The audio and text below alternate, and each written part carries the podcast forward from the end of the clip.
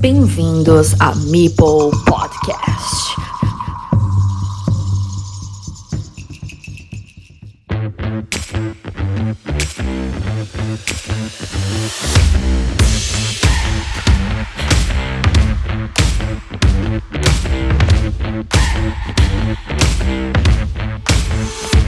Muy buenas y bienvenidos a la décima jornada de la Liga Carcassonne Spain. Durante este resumen nos hemos encontrado en medio de la festividad de Semana Santa y tocaba jornada de descanso, Semana Blanca en la Liga Carcassonne Spain. Pero vamos a repasar lo acontecido en una jornada que aún forma parte del ecuador de la competición. Antes de nada, comentar que ya están decididas las plazas que se otorgan para el Nacional en esta tercera edición, que son cuatro plazas para la Liga Elite, es decir, para los primeros cuatro clasificados, los tres primeros clasificados de la segunda categoría y finalmente otras dos plazas para la tercera categoría, que procedería otorgándosele a los campeones de cada uno de los dos grupos, rosa y naranja.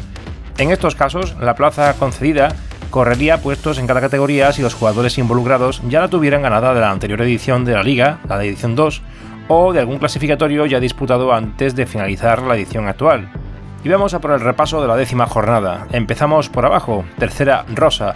Con Olenchero también dado de baja de la BGA y por tanto de la liga tenemos jornada con triple descanso para Paco Quiles, Rader e Ibai En estas circunstancias, para no modificar el calendario a estas alturas, el comité ha decidido mantener el actual con la consecuente circunstancia de la coincidencia de varias jornadas con descansos triples correspondientes a las ausencias producidas por las diferentes bajas acaecidas durante la competición. Puede llegar a resultar normal en participantes nuevos que no se han adaptado al formato, muy flexible por cierto, pero la organización de Carcassonne Spain intenta que estas incidencias no generen mayores problemas en el resto de participantes y en la competición en general. Cabe recordar el esfuerzo de Carcassonne Spain por llevar a buen puerto esta liga y las connotaciones que envuelven a este formato de Carcassonne Online, acceso a la selección española y plazas para el Campeonato de España presencial de Madrid, como acabamos de ver al abrir este programa. Por otro lado, una enorme ventaja de participar en esta liga, al margen de la parte lúdica de cualquier competición, es la oportunidad de mejorar el nivel de juego y crear comunidad entre la masa aficionada. Y ahora vemos los resultados de esta tercera categoría color rosa, donde encontramos las victorias de Lady Avalos ante Kai por 0-2, Crisis sobre Carmen Ludoteca por 2-0, The Dude vs Superma por 0-2, H-Bay ante Lady Pendeja por 1-2, Amazonitu ante el Viernes Toca Jugar por 2-0 y Ardacho frente a Mipel Explorador por 2-0. Quedan pendientes el Pablo Ludens contra Diana D aún sin fechar al cierre de esta grabación. La clasificación tras esta décima jornada queda eh, de la siguiente manera, con 8 puntos Amazonitu, Dedude y Ardacho. Existe un hueco de 2 puntos con la única perseguidora, ya que no hay nadie con 7, y por tanto con 6 puntos Lady of Avalon. Con 5, Lady Pendeja, Radder y Superma. Con 4, Hebai, Ibai ah, y Crisis. Con 3, Paco Quiles, Mipel Explorador y Cayman Kai. Con 2, Pablo Ludens, El Viernes Toca Jugar y Carmen Ludoteca y sin estrenarse en el marcador con 0 puntos Diana D. Pasamos a la tercera naranja, donde la cosa permanece más tranquila en cuanto a la situación de participación, con solo una baja producida recientemente, el jugador Neogeneración. Por tanto, Zika esta jornada 10 la tuvo de descanso al desaparecer el duelo con el causante de la baja de la competición, y salvo el duelo entre Kayanika y Trompe, aún no disputado y que el comité ha fijado para el lunes 10 de abril a las 7 de la tarde, el resto de enfrentamientos quedaron de la siguiente manera. Saiz Echezarreta y Manolea 0-2, Juan ZGZ Douglas 0-2, Kikila Cristina Huertas 2-0, Rose JP Bala 0-2, Elige Juego Blandito 2-1, Solquido OCJM 2-0, Borberiki Chumi 92 2-0, Deskey Que Te Veo 0-2. La clasificación arroja la siguiente situación, comenzando por las alturas con 8 puntos, triple empate entre Douglas, Kikila y JP Bala, con 7 un único perseguidor, Volveriki. Con 6 que te veo Zika y Deskey. Con 5 Saiz Echezarreta. Con 4 Imanolea, Solquido y Elige Juego. Con 3 Trompe, Cristina Huertas, Rose, Blandito, Shumi92 y Juan ZGZ. Y con 2 y cerrando la tabla OCJM y Canica81.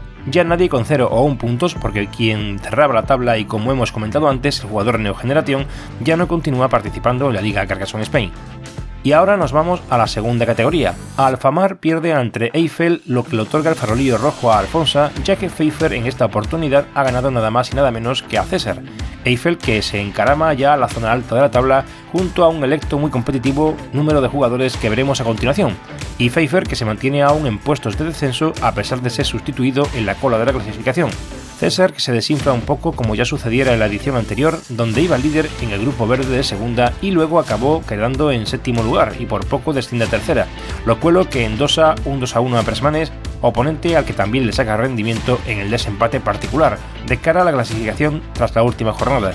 De Poc que gana a Rafa y encabeza a ese grupo perseguidor que araña a los puestos de cabeza, y Q pierde ante Teshe, que consigue, tras varias jornadas, superarse a sí mismo y recuperar su nivel de juego, con lo que remonta a Íñigo para enfilar el último tercio de la competición, aún con opciones claras de ascenso o promoción.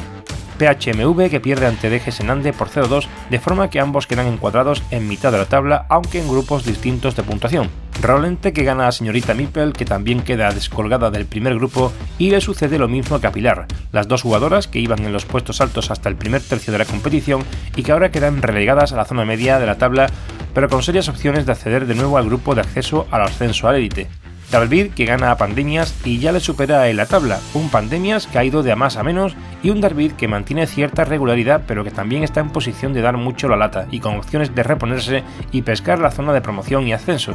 Y la clara sorpresa de la semana, Alberto que gana 1-2 a Camares.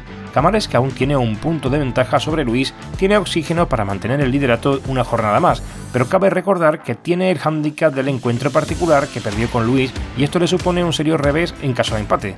En la jornada 16 me las veré con él y espero darle guerra.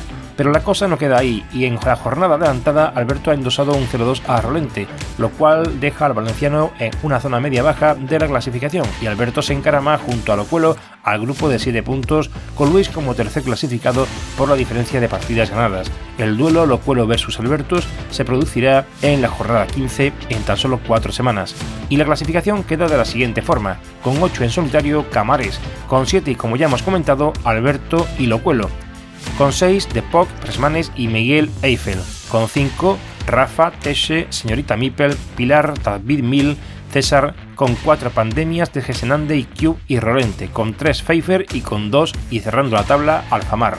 Y nos vamos a élite la categoría de proa de Carcassonne Spain. Para esta jornada quedó sin fecha el duelo catalán entre Senglar y Manel. El resto de encuentros quedaron de la siguiente manera.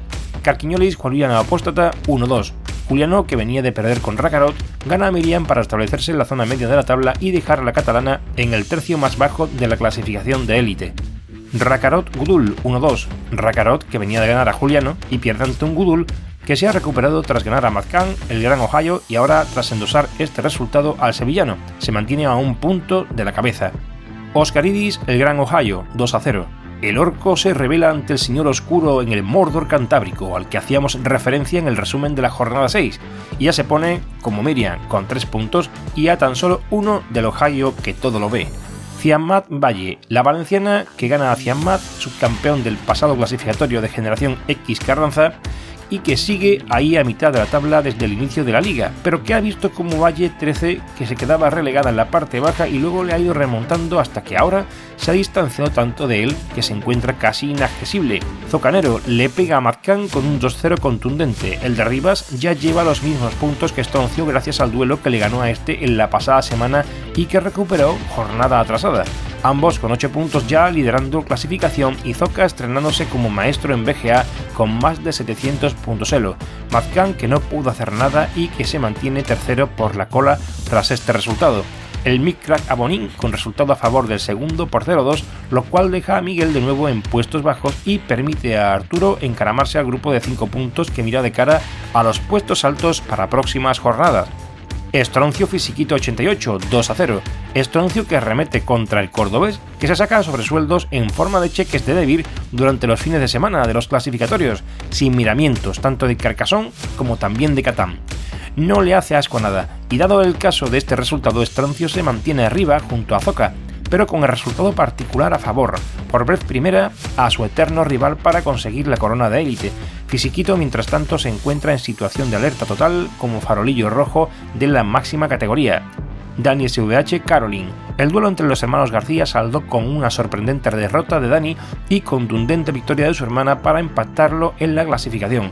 Carolina siempre capaz de todo y Dani que se ha visto superado por la persona que más le conoce en la actitud de juego, bonito duelo catalán y familiar. Pero no podemos olvidarnos de un duelo muy importante que no puede pasar desapercibido.